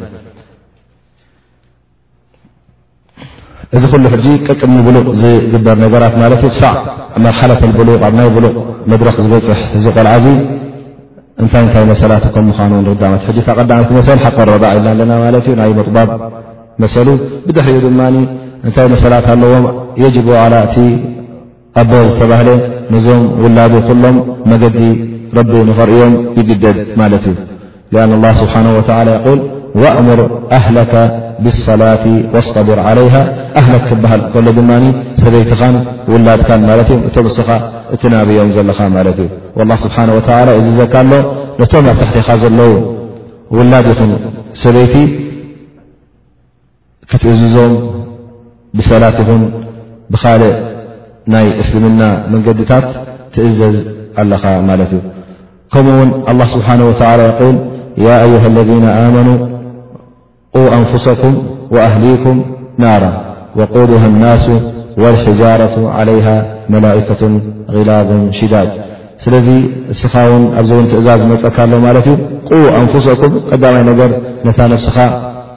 ካብ ሓዊ ጀሃንም ኣርሕቃ ቁ ኣንፍሰኩም ወኣህሊኩም ናራ ኣህሊኩም ክበሃል ከሎ ድማ ከምቲ ዝበልናዮ እቶም ኣብ ትሕቲኻ ዘለዉ ሰበይትኻ ይኹን ደቅኻን ይኹን ንኦም ካብ ሓዊ ጀሃንም ከተርሕቆም ትግደድ ማለት እዩ እታ ጀሃንም ድማ ንኹሉ ወዲ ሰብ ትፅበ ዘላ ስለ ዝኾነ እቲ ጌጋ ዝገብር ሰበቓ ክኣቱ ስለ ዝኾነ ንስኻ ድማ ቃልስኻ እንታይ ክኸውን ኣለዎ ነዞም ዝውለዱ ውላድካ መገዲ ሓቂ ክተርእዮም ካብ መገዲ ጌጋ ድማ ክትኣልዮም ያዕ ክትብሎም እንተ ደኣ ሰናይ ተግባር ገብሩ ኣለዉ ኮይኖም ናብኡ ክትመርሖም ንዕኡ ክተተተባብዖም መገዲ እከይ ድማ እንተ ደኣ ንየማን ንፀጋም ንርእዩ ኣለዉ ኮይኖም ድማ ካብዚ መገዲ እከይ ድማ ክትክልክሎም ብዝከኣለካ መጠን በቲ ዘለካ ስልጣን ጌርካ ናይ ብናይ ፍቕሪ ስልጣን ይኹን ብናይ ሓይሊ ይኹን ብዝከኣለካ መጠንሲ ኣብቲ ተርድያናቶም ክትርድዮም እተ ኮይንካ ትቐንዲ ነገራት ክትገብረሎም ዘለካ እቲ ንዓኻ ዘገድድ ነገር መገዲ ሓቂ ከተርእዮም ካብ መገዲ እከይ ድማ ክትኣልዮም እዩ ማለት እዩ ካብቲ ኣዳብ ዝተባህለውን ክትእድቦም እተ ኮይንካ መገዲ ሓቂ ክተርእዮም ከለኻ ውን ወላ ውን በቲ ናይ ኣብ ኣዳብ ናይ እስልምና ዝተባህለ ኣብቲ ኣበላልዓ ናቶም ከመይ ከመይ ገሮም ከም ዝበልዑ ከተርእዮም ኣለካ ማለት እዩ ብየማኑ ክበልዕ ከም ዘለዎ ብስሚላ ኢሉ ክጅምር ከም ዘለዎ ኣዳብ ኣክል እንታይ ምኳኑ እዚ ሕጂ ከም ኣብነት እዩ ዳኣንበር ኩሉ ናይ እስልምና ሸርዒ ስፊሕ እዩ ግን ኣረሱል ስ ላ ወሰላ ን ዝኾነ ነጌጋ ክርኢ እንከሎ ነቶም ንኣሽቱ ቆልዑት ን ክዛረቡ እንከሎ ኩሉ ግዜ ንመገዲ ሓቂ ይሕብሮም ነይሩ ማለት እዩ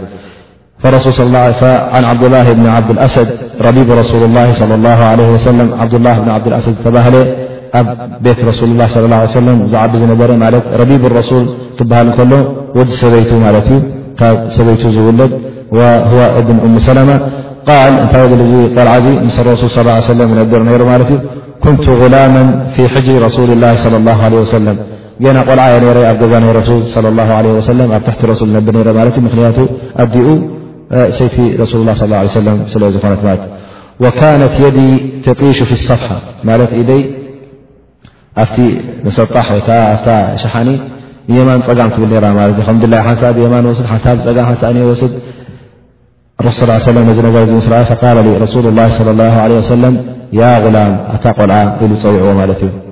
ሰሚ ላ ሕጂ እንታይ የርእዮ ኣሎ ማለት እዩ ኣዳብ ክነገሩ ከም ዝበልዕ ሰሚ ላ ማለት ብስሚ ላ በል ወኩል ብየሚንክ ብየማንካ ድማ ብላዕ ወኩል ምማ የሊክ በቲ ንዓኻ ናብ ናባኻ ሸነክ ዘሎ ድማ ብኡ ጀሚርካ ብኡ ብላዕ ዳኣ እምበር የማን ፀጋም ኣይትበል ማለት እዩ ስለዚ ኣረሱል ስ ሰለም ሕጂ ነዚ ቆልዓ እዚ ክሕብርዎ ከለዉ ጥራይ እቲ ሓንቲ ነገር ኣይነገሩ እታ ጌጋ ዝገበራ ምናልባሽ ላዕልን ታዕቲ ንብል ነይሩ ኸውን እዚኣ እታ ዝረኣይዎ እኣ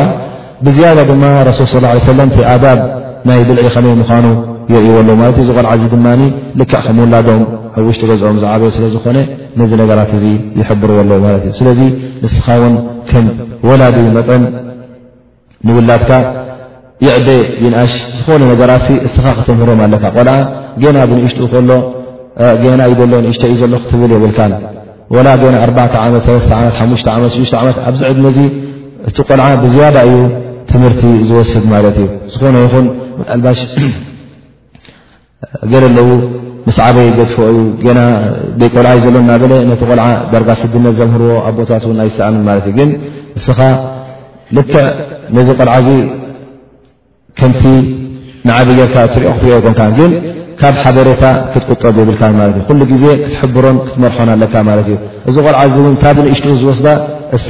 ንመዋእሉ ኣይርስዓን እዩ ማለት እዩ ተርቢያ ክበሃል ከሎ ምልመላ ክበሃል ከሎ ካብ ውሽጢ ገዛ ስለ ዝጅምር ኣብ ውሽጢ ገዝኡ ድማ እንተ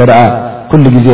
ንቅንዕናን ንመገዲ ሰናይን ከመይ ገይሩ ከምዝበልዕ ከመይ ገይሩ ከምዝሰቲ ከመይ ገይሩ ምስ ዓብ ከምዝዛረብ ከመይ ገይሩ ከምዝሰግድ ከመይ ገይሩ ከምፀውም እዚ ነገራት እዚ እተ ኣብ ውሽጢ ገዛ ተምህሮ ኣለካ ኮንካ እናተሰቆሮ እዩ ዝኸይድ እስኻ ውን 24 ሰዓት ኣብቲ ገዛ ሰዲኡን ሰብኡን እዚ ቆልዓ እዚ ኣብዚ ገዛ ስለ ዝነብር ኩሉ ግዜ ድማ ነቦኡን ነዲኡን ንዕኦም እሶም ዝገበርዎ ጥራይ ክገብር ስለ ዝፍትን እስኻ ሕጂ ዓብዪ ግደ ኣለካ ማለት እዩ ወይ ንመገዲ ቅንዕና ክትመርሖ ኢኻ ወይ ንመገዲ እከይ ክትመርሖ ኢኻ ማለት እዩ ላ ስብሓ ረሱል ስ ሰለም እንታይ ይብል ኩሉ መውሉድን ይውለዱ ዓለ ፍጥራ ቆልዓ ክውለድ ከሎ ንፁህ እዩ ዝኽለቕ ማለት እዩ ልከ ከምዛ ፃዕዳ ወረቐት እዩ ዝኽለቕ ማለት እዩ ፈኣበዋሁ ይሃውዳን ኣው ይነስራን ኣው ይመጅሳን እቲ ካብ መንገዲ ካብ ሰናይ መገዲ ናብ እከይ መገዲ ዝመርሖ መገዲ እስልምና ይኹን ወይ ከዓ መገዲ ክፍር ይኹን መገዲ ክሕደት ይኹን መገዲ ናይ የሁድ ይኹን ኩሉ ነገራት ናይ ፈሳድ ይኹን እተ ክወስዶ ኮይኑ ቀዳማይ ነገር ካበይ ዝወስዶ ማለት እዩ ካብ ወለዱ እዩ ዝወስዶ ማለት እዩ ስለዚ ካብ ቀዳመይቲ ትምህርቲ ቀዳመይቲ ፍልጠት ካብ ውሽጢ ገዛ ስለ ዝወስዶ እዚ ሰብ እዚ ወይ ከዓ እዚ ቆልዓ እዚ እስኻ ድማ ነዚ ውላድ እዚ ብዝከኣለካ መጠን ክትምህሮን ክትናብዮን ክትኣልዮን ኣለካ ማለት እዩ እታ ቀንዲ ነገር ክተፍልጦ ዘለካ ድማ እታ ዓሞድ ዲን ዝተባህለት ናይ ሰላት ስለ ዝኾነት እሳ ድማ እንተ ንዓኣ ጌርካ ንእስልምና ሕዝካ ኣለካ ማለት እዩ እተ ንዓ ዘይገበርካ ድማ ንእስልምና ስለ እተፍርስ ናይ ሰላት ነገር ስለ ዝኾነት ኣረሱል ስ ላ ሰለም ነዛ ነገር እዚኣ ድማ ንበይና ብሓዲ ጠቒሶምና እዮም ማለት እዩ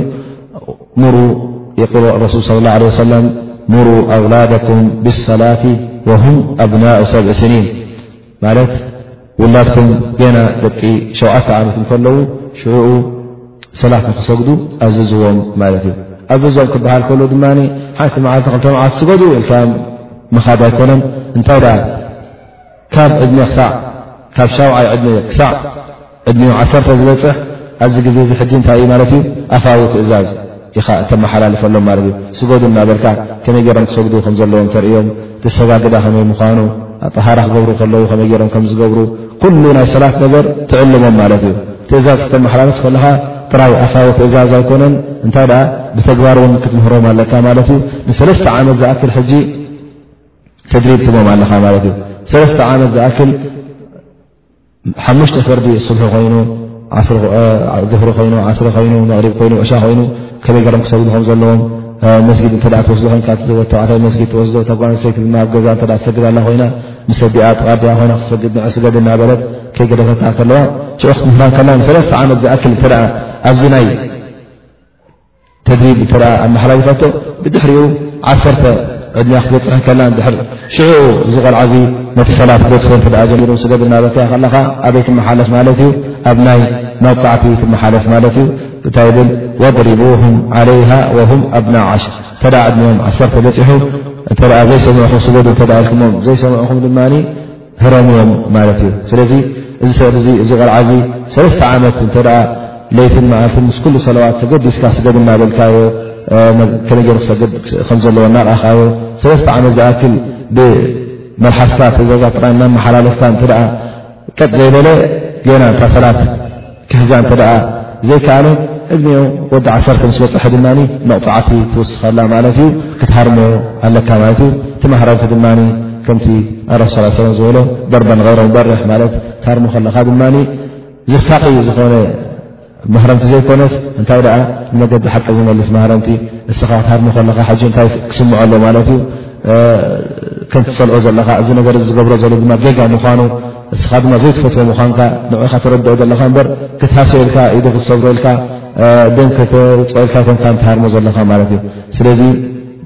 ትርጉም ናይ ማህረምቲ ብዝያዳ እዚ ዝገብሮ ዘሎ ጌጋ ምዃኑ ንዕኡ ንክተረድኦ ስለ ዝኾነ እቲ ማህረምቲ ሃሳዊ ማህረምቲ ክኸውን የብሉን ማለት እዩ ወም ኣብናኣ ዓሽር ወፈርቁ በይነም ፊ መባጭዕ ከምኡውን ካብቲ ናይ ምልመላ ናይ ቆልዑት እውን እተ ዕድሚኦም ዓሰርተ በጺሖም ውን ኣብ ሓደ ዓራት ክትድቅሶም ይብልካን እንታይ ደኣ ኣዓራቶም ክተትሕዞም ኣለካ ማለት እዩ ስለ ናዓበይ ዝኸዱ ዘለዉ ኣብ ናይ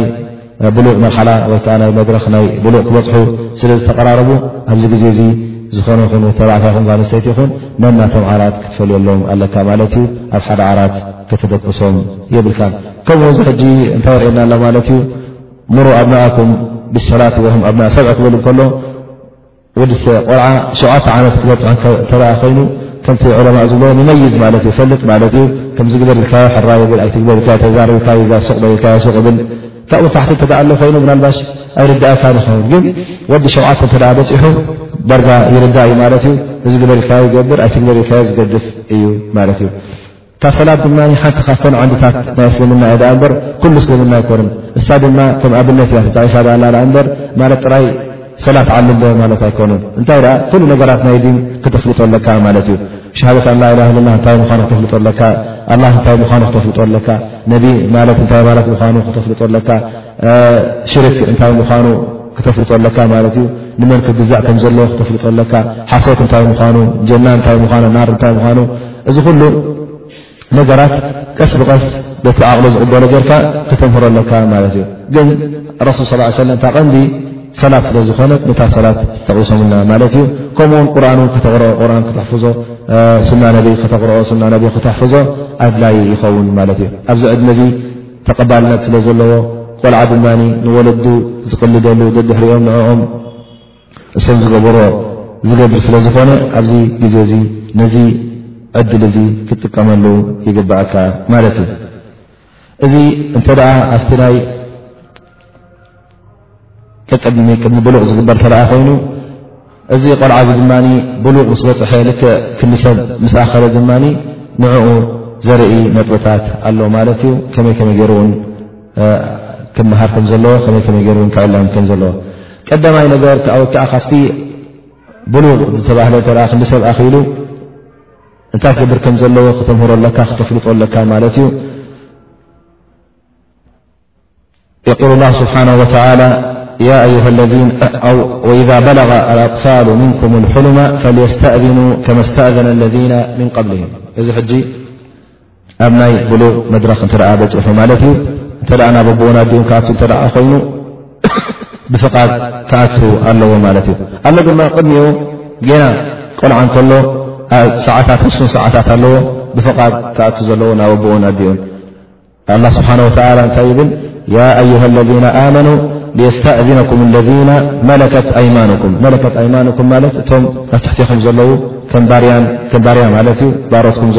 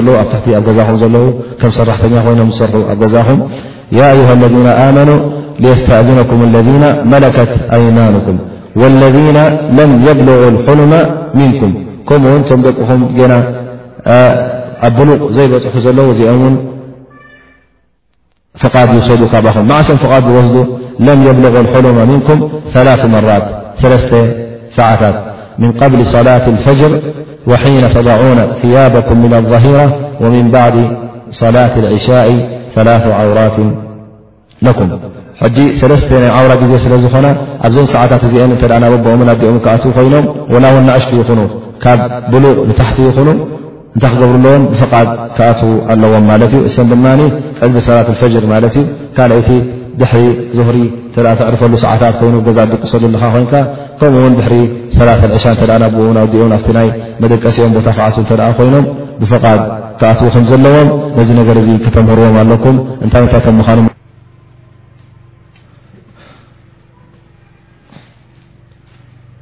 ብዛዕባ ናይ ስትኤዛን ንዛረብ ነርና ማለት ፍቓድ ክወስድ ከም ዘለዎ እንተ ኣብቲ መደቀሲ ናይ ኣቦኡን ኣዲኡን ወይከዓ ኣቦኡን ኣዲኡን በይኖም ኮፍ ዝብሉ ቦታ እተ ኣሎ ኮይና ኦም ክኣት እንከሎ ፍቓድ ክወስድ ከም ዘለዎ መዓስ ፍቓድ ክወስድ ከም ዘለዎን ክምህርዎ ከም ዘለዎም ክኣት ከሎውን እንታይ ኢሉ ክኣት ከም ዘለዎ ከፍቅድ ከም ዘለዎ ነዚ ነገር እዚ የምህርዎ መዓስ ከይጅምር መዓስ ከይጨርስ ማለት ጌና ቅድሚ ብሉቕ እንተ ደኣ ኮይኑ እቲ ውሱን ሰዓታት ሰለስተ ሰዓታት ኢልና ምን ቐብሊ ሰላት ፈጅር ማለት ቅድሚ ሰላት ኣልፈጅር ማለት እዩ ወምን ባዕድ ኣظሂራ ማለት ድሕሪ ሰላት ኣظህር ሽዑዓ ከዓቲ ወቐት ናይ ቀይሉላ ስለ ዝኾነ ሰብ ዝጥቅሰሉ ሰዓታት ስለ ዝኾነ ክዳውንትኻ እተውልቀሉ ተውፃሉ ስለ ዝኾነ ከምኡ ውን ብድሕሪ ዕሻ ውን ግዜ ናይ ድቃ ስለ ዝኾነ እዚ ሰዓታት እዚ እስኻ ክትሪኦ እሶም ክርእዎ ዘይደልዩ ዓውራኻ ክሪኡ እተ ኮይኑ ወይ ከዓ ናይ ኣዲኦም ዓውራ ክሪኡ ስለ ዘይትደሊ ኣብዚ ሰዓታት እዚ ወላ ውን ገና ብሉቕ ከይበፅሑ ከለዉ ክኣትዉ ከም ዘይብሎም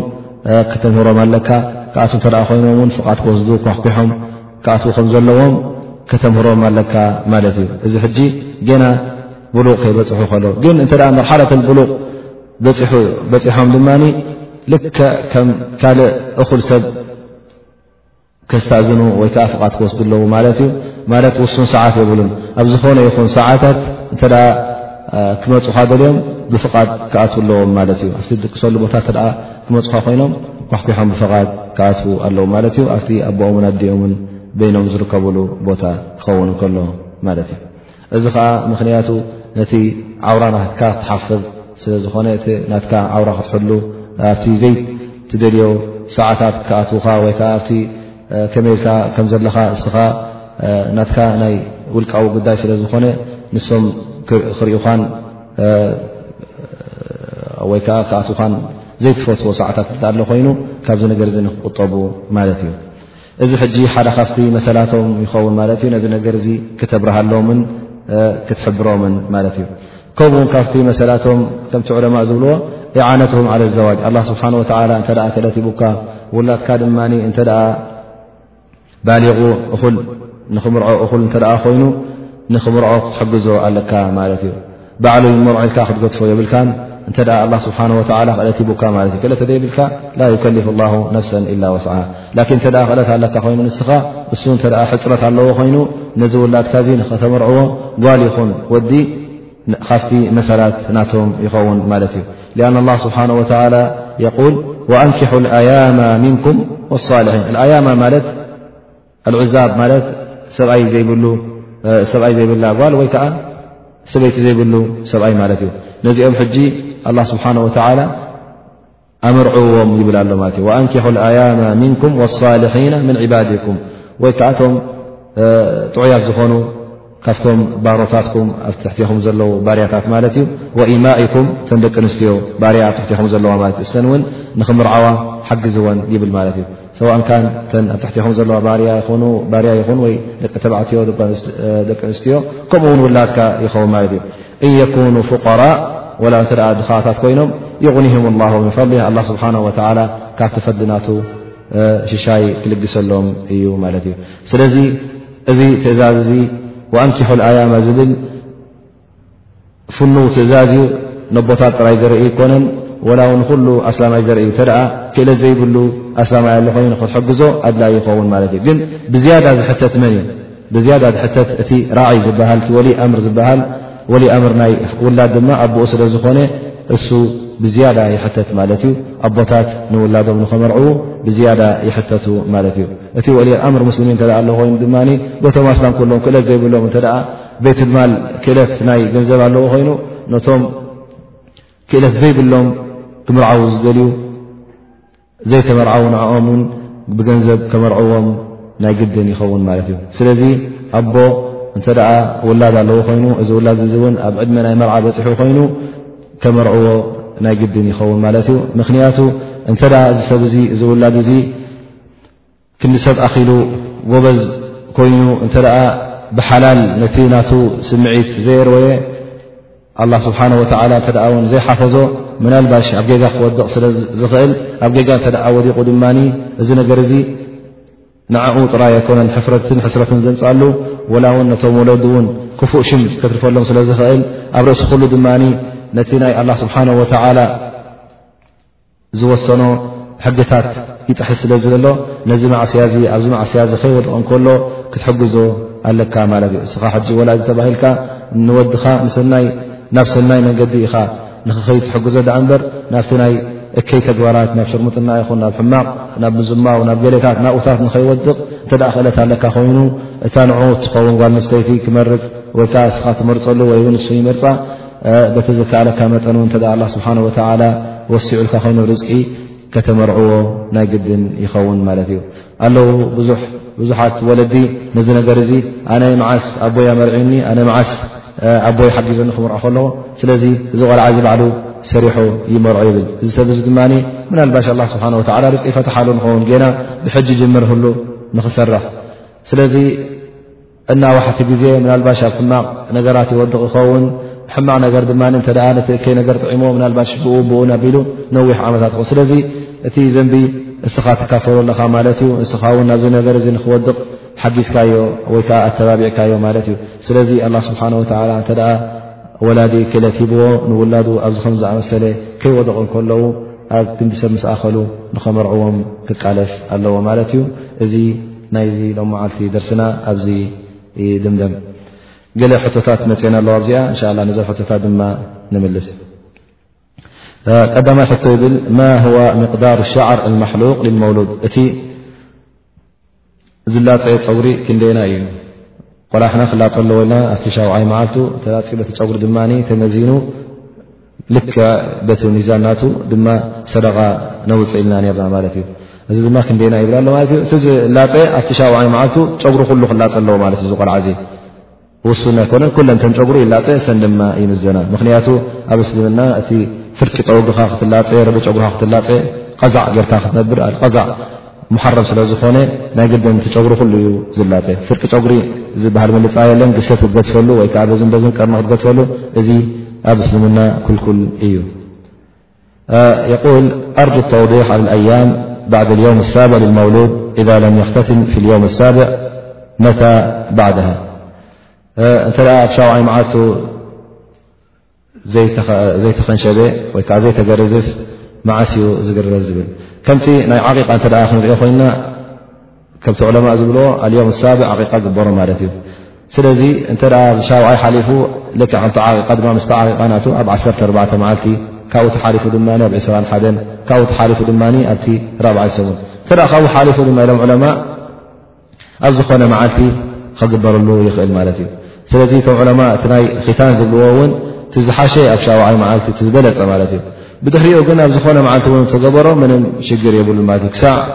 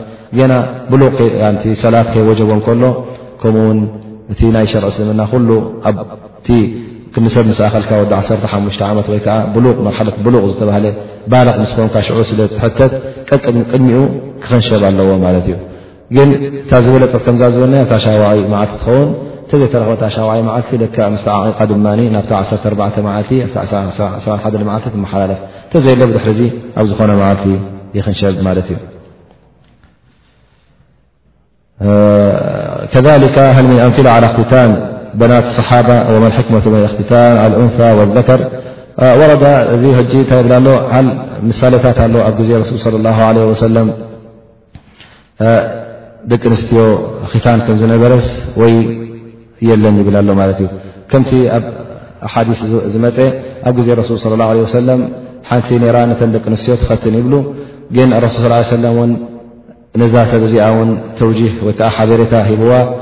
እኽትኒ ክትኸድኒ ከለኺ ግን ወላ ትንሂኪ ይብላ ማለት እዩ ኣዓሪኺ ነቲ ትቆርፅዮ ኣዓሪኺ ትቁረፅዮ ግን ንእሻ ኣቢልኪ ኣ ከንሽቢ ይብል ማለት እዩ ስለዚ ኣብ ግዜ ረሱል ስለ ላ ለ ወሰለም እውን እቲ ንደቂ ኣንስትዮ ምክንሻብ ነይሩ ማለት እዩ ግን ልክ ከም ፈርዲ ኣይኮነን እንታይ ደኣ ከም መክሩማ እዩ ዝውሰድ ነይሩ ማለት እዩ እንተተገበረ ፅቡቕ ተዘይተገብረ እውን ምንም ሽግር የብሉን ማለት እዩ ወመ ሕክመቱ ም እክትታን ዓ ን ወዘከር ካብቲ እንታይ እንታይ ከ ሕክማ ኣለዎ እዚ ነገር እዚ ኢሉ ይሓትት ማለት እዩ ዕለማ ኣብሉ ብዛዕባ ናይ ወተባዕታይ እቲ ክታን እተ ኣሎ ኮይኑ እቲ ሕክማናቱ ቀዳማይ ነገር እቲ ክሸይን እንከሎ ገለ ካብቲ ሽንቲናቱ ኣብ ውሽጢ ስለ ዝተርፍ እቲ ጠሃራናቱ ሙሉእ ኣይከውንን እዩ ይብሉ ስለዚ ነቲ ቲናእቲ ኺታን ድማ ነታ ናቱ ብልዒት ስለ ዘፅርያ እቲ ሽንቲን ገለመለን ኣብ ውሽጢታ ቆርበት ኣይተርፍን ስለዚ ፅሩይ ንፁህ ይኸውን እቲ ጠሃራናቱ ድማ ምሉእ ይኸውን ይብሉ ከምኡ ውን እንተ ተኸንሽቡ እቲ ሻህዋናቱ ድማ ህብእ ይብል ይብሉ ምክንያቱ እተ ዘይተኸንሸበ እታ ስጋ ሸፊናታ ስለ ትነብር ስለዚ ኩሉ ግዜ ብቀሊል ነገር ሻህዋናቱ ክትስኦ ይኽእል ይብሉ ስለዚ ንዕኦ ውን ተኽፊፍ ይገብረሉ እዩ ይብሉ ልክ ጓል ንስተይቲ ውን እቲ ሻህዋናታ ውን እተ ዘይተኸንሸበት ኮይና ብዝያዳ ይበርትዕ ማለት እዩ እንተ ተኸንሽባ ድማ ቅሩብ ጉድል ይብል ማለት እዩ ግን ኣረሱል ከምቲ ዝበልናዮ ረሱ ላ ስ ሰለም ንዓኣ ውን ኩሉ እቲ ሻህዋና ናታ ክተጥፍኣላ የብልካ እ ስምዒት ናታ ክተጥፍኣላ የብልካ እዚ ከዓ ምክንያቱ ከምቲ ረሱ ስ ሰለ ፈኢነ ኣሕቫ ልልመርኣ እቲ ዝበለፀ